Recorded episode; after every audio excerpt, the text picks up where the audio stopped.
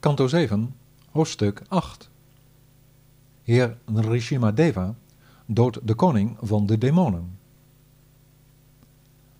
Narada Muni zei tot Yudhishthira. Nadat ze zijn verklaringen hadden aangehoord, accepteerde het gehoor van de Daitya-zonen zijn woorden vanwege hun diepzinnigheid en verwierpen ze wat hun leraren hen hadden bijgebracht. Toen de twee zoons van de guru, Shukracharya's zoons Shanda en Amarka, inzagen hoe de intelligentie van de jongens gefixeerd was geraakt op dat ene onderwerp, namen ze angstig contact op met de koning om aan hem voor te leggen wat er gaande was. Over zijn hele lichaam trillen van woede, met een geest vastbesloten zijn zoon te doden, wees hij Pralada terecht. In de vreedste bewoordingen bejegende hij furieus, met een kwaaie blik in zijn verdraaide valse ogen, hem die het helemaal niet verdiende zo behandeld te worden. Hij van zijn kant echter hield zachtmoedig en ingetogen zijn handen gevouwen voor zich, terwijl zijn vader daar aan het sissen was als een gifslang waar men op heeft getrapt. Hiranyakashipu zei, O, jij schaamteloze dwaas, jij splijtswam van de familie, jij uitgestotene, jij die zo obstinaat tegen mijn gezag ingaat, zal ik vandaag naar de wereld van Yamaraj sturen. Als ik kwaad ben, beven al de drie werelden en hun leiders voor mij. Met welk gezag treed jij zo onbevreesd mijn heerschappij met voeten, jij praatjesmaker? Pralada zei, Hij vormt niet alleen mijn kracht, maar ook de uwe, o koning, als ook de kracht van alle hogere en lagere levende wezens. Allen die zich rondbewegen en zich niet bewegen, beginnende bij heer Brahma, vallen onder zijn controle. De Allerhoogste Heer van de tijd, Urukrama, de Heer van de grote stappen, Vamana, is de ene kracht van je geest en leven, de standvastigheid van je lichaamskracht en de kracht van je zintuigen. Hij, het ware zelf, is de verheven meester van de drie basiskwaliteiten die middels zijn verschillende natuurkrachten het ganse universum schept, handhaaft en weer in zich opneemt. Geef alstublieft uw asura manier van doen op. Wees van een gelijkgezinde geest met de ziel en maak geen vijanden. Vernietig slechts de vijand van de onbeheerste geest. Die aanpak vormt de beste methode om de onbegrensde Heer te aanbidden. In het verleden waren er zoveel plunderaars die, zonder de zes vijanden de baas te zijn, alles wegstalen. Anderen zagen zichzelf als veroveraars van de tien windrichtingen. Maar met een heilige, met iemand die zijn zinnen wist te verslaan en alle levende wezens gelijkelijk gezind is, waar zijn dan die vijanden die voortspruiten uit de eigen verbeelding?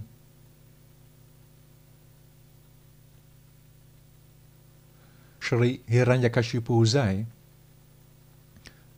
Klaarblijkelijk verlang jij met je grenzeloze pretenties naar je eigen ondergang. Het is duidelijk dat mensen die op het punt staan te sterven wartaal uitslaan, een zielige idioot die je bent.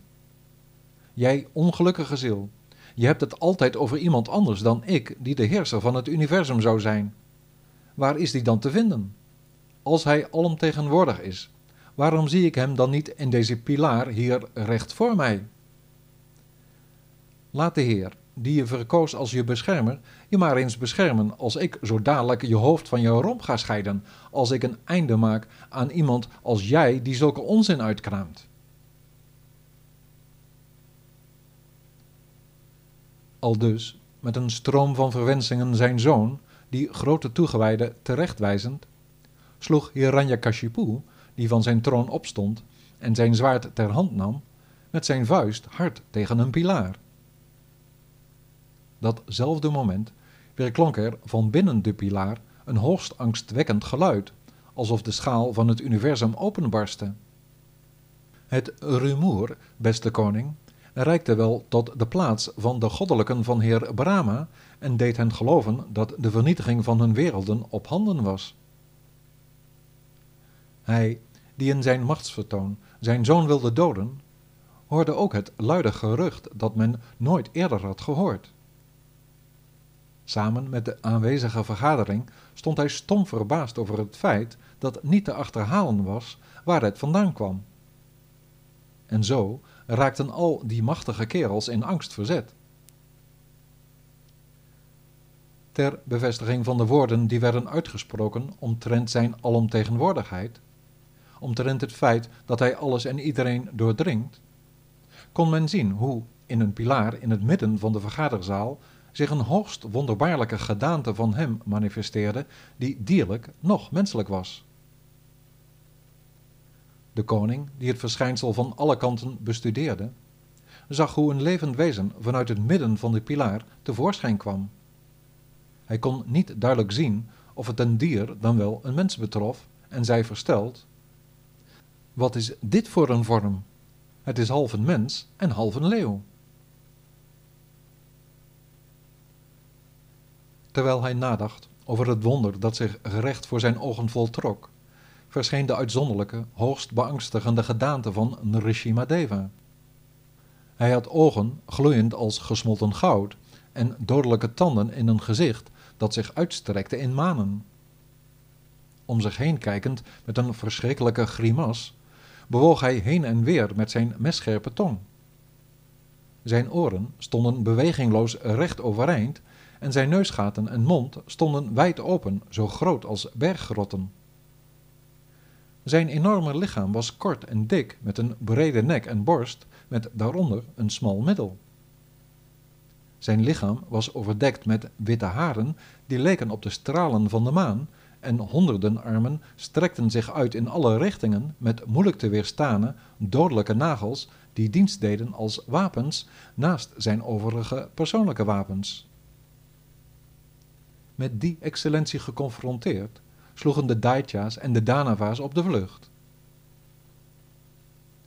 Hiranyakashipu, mompelend voor zichzelf, zei: Ik veronderstel dat dit is wat de Heer zo vol van mystiek vermogen probeert te doen om het te doden. Maar wat heeft dat nu voor een zin? En dus zijn strijdknots oppakkend, wierp de Daitya zich als een olifant naar voren om de luid brullende heer Nrishima aan te vallen. Net zoals men een insect dat in het vuur gevallen is niet meer kan zien, verdween de Asura in de gloed van Nrishima. Op dat moment was dat niet zo wonderlijk, omdat hij daarvoor, met de gloed van zijn goedheid, reeds de duisternis van de hele schepping had verzwolgen. Toen die grootste onder de demonen bij heer Nrsimhadeva was aangeland, bracht hij, zijn macht tonend, hem met grote kracht een slag toe met zijn knots. Maar de heer, hij die de knots hanteert, greep hem beet zoals de zoon van Tarksha, Garuda, een grote slang te pakken neemt. O zoon van Bharata, toen hij de Asura om een spelletje te spelen uit zijn handen liet glippen, zoals Garuda dat ook wel eens doet met een slang, dachten de goddelijke zielen van de verschillende werelden, die uit hun posities waren verdreven, van achter de wolken dat het verkeerd zou aflopen. De demon, die dacht dat hij hem had laten gaan uit angst voor zijn machtsvertoon, pakte, na zich hersteld te hebben, zijn zwaard en schild weer op en viel met veel geweld Nrishimadeva opnieuw aan. Toen hij, snel als een havik, met zijn met maantjes beschilderde schild en zwaard op en neer aan het manoeuvreren was om hem geen gelegenheid te bieden, maakte de heer een zeer schril, hardlachend geluid dat dermate beangstigend was dat hij, toen hij zijn ogen daardoor even dichtkneep, door de kampioen van alle snelheid beet werd gegrepen. In protest stribbelde hij met zijn ledematen tegen om te ontsnappen. Maar de heer legde hem, wiens huid zelfs niet door Indra's bliksemstraal kon worden doorboord, bij de ingang van het paleis op zijn schoot, alsof hij een slang of muis was, en doorboorde hem met zijn nagels met het gemak waarmee Garuda een giftige adder te pakken neemt. Met zijn angstaanjagende, woedende blik was hij moeilijk te aanschouwen. Met zijn mond wijd open, de hoeken likkend met zijn tong en met zijn manen en gezicht rood besmeurd met bloed, droeg hij de ingewanden als een slinger om zijn nek en zag hij eruit als een leeuw die net een olifant heeft gedood. Het hart had hij er met zijn spitse nagels geheel uitgerukt en terzijde geworpen, en de duizenden ondergeschikten, die met geheven wapens hun leider terzijde stonden, doodde hij allen met behulp van zijn nagels en de overige wapens in zijn talloze handen. Met zijn manen schuddend dreef hij de wolken uiteen en met zijn gloeiende blik deed hij de hemellichten verbleken. De wateren en oceanen, getroffen door zijn ademen, zieden kolkend en bevreesd voor zijn gebrul, schreeuwden de olifanten die de windstreken bewaakten het uit. Met het opwerpen van zijn haren schoven de hemelwagens, die in de lucht samendromden, van hun plaatsen, schudde de aarde onder het zware gewicht van zijn voeten, bracht hij met zijn niet te weerstaande kracht de bergen en heuvels in beweging, en was er door zijn gloed geen ander schijnsel meer te zien in alle richtingen van de hemel. Daarna, in de vergaderzaal op de hoogste zetel van de mensen zittend, met een hoogst angstwekkend, vreselijk gelaat, was er niemand om hem uit te dagen, noch iemand om hem de eer te bewijzen. Maar toen men vernam hoe hij, de Daitja, die de hoofdpijn van de drie werelden was, in de strijd was gedood door de Heer, waren er kreten van vreugde, opgeluchte gezichten en eindeloze bloemenregens van de vrouwen van de halfgoden. Op dat moment verduisterde de hemel door de vele hemelwagens van de halfgoden die er graag bij wilden zijn. Er werd geslagen op trommels en pauken en de grootste zangers en engelen van de hemel zongen en dansten. Er verzamelden zich daar al de goddelijke zielen, Brahma, Indra en Shiva, de wijzen, de voorvaderen, de volmaakten, de experts in de wetenschap en de grote slangen. Ook de stamvaders, de leiders van de mensheid, de ingezetenen van de hemel en de beste engelen kwamen erop af, als ook de beroemdheden, zij die de rijkdom bewaken, en de aapachtigen, o mijn beste. Tevens verschenen de spotgeesten, de supermachtigen en zij die Vishnu's persoonlijke metgezellen waren, zoals Sunanda en Kumuda. Met hun handen voor hun hoofden gevouwen om hun eer te betonen, benaderde ieder van hen hem, die was verschenen als half een mens, half een leeuw, en daar nu op de troon zijn gloed tentoonspreidde. Sri Brahma zei, Ik buig voor u, o ondergrondelijke van een onbegrensd kunnen. U staat met al uw macht en vermogen en met de zuiverheid van uw handelingen voor de schepping, handhaving en vernietiging van het universum. Terwijl u in uw goddelijk spel te werk gaat met de geaardheden, blijft u zelf steeds onveranderd. Heer Shiva zei: Het einde van de yuga is het juiste tijdstip voor u om in woede deze onbeduidende demon te doden. Bescherm enkel zijn zoon, deze Bhakta, vol van overgave aan uw zijde, o zorgdrager van de toegewijden. Shri Indra zei: Ons aandeel van de offers werd door uw heerlijkheid, die ons beschermde, veiliggesteld, o Allerhoogste. Woorden schieten tekort om uit te drukken hoezeer onze lotusharten getroffen waren door de Daitya, onze harten die in feite uw verblijfplaats zijn. Helaas, o Heer, hoe onbetekenend is onze wereld in de greep van de tijd. Maar u hebt, ter wille van de toegewijden in uw dienst, uw licht geworpen, zodat ze verlossing kunnen vinden uit hun gebondenheid.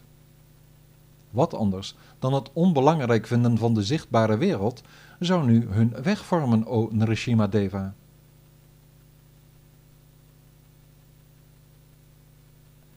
De wijzen, de rishis, zeiden: U vormt het lichtend voorbeeld dat ons de verzaking bijbracht.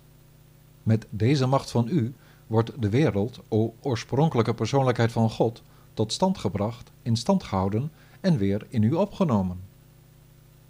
Die verzaking werd door deze onwijze ziel weggestolen, maar is nu, o toevlucht van de behoeftigen, in ere hersteld, dankzij de bescherming geboden door uw belichaming.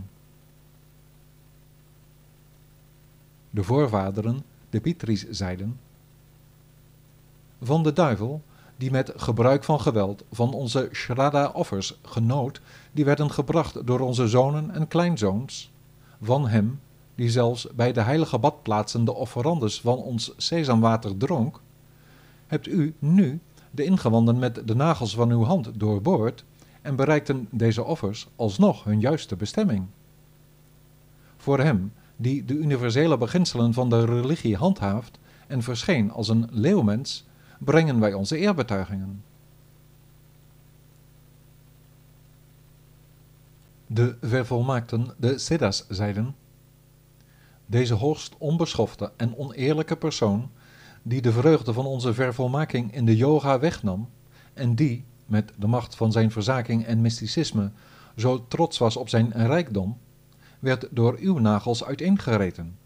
Wij buigen ons voor u, o Nrishima. De specialisten van de wetenschap, de Vidyadhara's, zeiden: Onze vormen van kennis, die elk met een andere manier van concentratie kunnen worden bereikt, werden terzijde geschoven door deze dwaas zo vol van verbeelding over zijn kracht en kunnen. Hij, die hem in de strijd doodde alsof hij een dier was, hem, die verscheen als een Rishima, zijn wij, overgegeven zielen, immer verplicht. De slangenmensen, de Naga's, zeiden: Door de borst te doorboren van die grootste van alle zondaren die onze juwelen en mooie vrouwen inpikte, deed u onze echtgenotes een groot plezier. Laten we u onze eerbetuigingen brengen. De oervaders, de Manus, zeiden: Wij, de Manus, zijn uw gezagdragers, maar werden geminacht door deze zoon van Diti, die brak met de morele richtlijnen voor de gevestigde orde, o Heer. Vertel ons alstublieft wat we voor u kunnen betekenen nu u deze booswicht hebt gedood, o meester. De stamvaders, de Prajapatis, zeiden: O Allerhoogste Heer, wij die de generaties voortbrachten, hebben allen hun leven aan u te danken, en niet aan hem die de levende wezens, die wij op deze wereld hebben gezet, een leven heeft ontzegd. En nu hebt u, door de gedaante aan te nemen van een incarnatie van uw zuivere goedheid, voor het welzijn van de wereld de borst uiteengereten van hem die hier verslagen neerligt. De muzikanten van de hemel, de Gandharva, zeiden: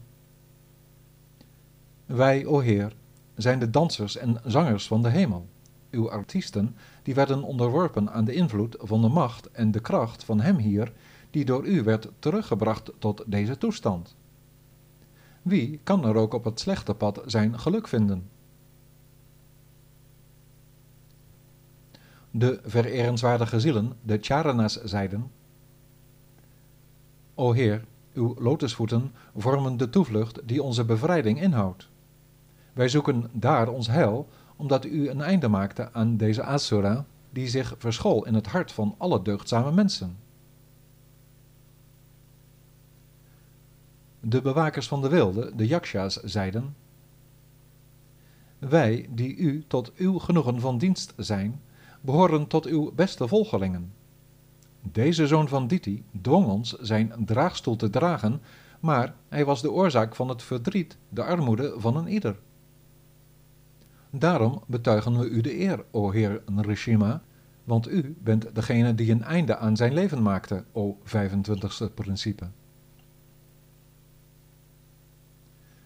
De aapachtigen, de Kimpurushas, zeiden: We zijn twijfelachtige mensen, Kimpurushas, maar u bent de allerhoogste persoonlijkheid van God, de Heer. En deze slechte persoon werd door u omgebracht na door de heilige zielen te zijn vervloekt. De barden van de koning, de Vaitalikas, zeiden: Wij die in grote bijeenkomsten en in offerperken de roem van uw onberispelijke glorie bezingen, zijn tot het hoogste aanzien opgeklommen. Deze kwaadaardige kerel, die ons in zijn macht kreeg, o Allerhoogste Heer, werd gelukkig door u ter dood gebracht, alsof hij een ziekte was. De lagere goden zeiden, de Kenara's, zij die een mensenhoofd hebben en een dierenlichaam, zangers van de hemel. O Heer, wij, de Kenara's, zijn uw trouwe dienaren. Vanwege die zoon van Diti moesten we onder dwang ons werk doen. Maar de zondaar werd door u, o Heer, vernietigd, o Nrishima Deva, o meester. Weest u er alstublieft als ons geluk en ons welzijn. De metgezellen van Heer Vishnu zeiden: Vandaag hebben we u mogen aanschouwen in een wonderlijke, mensachtige gedaante. Voor ons bent u de toevlucht en het geluk van al de werelden. Deze dienaar van de staat, o Heer, werd vervloekt door de geleerden en daarom ter dood gebracht. Wij zien dat als uw bijzondere genade.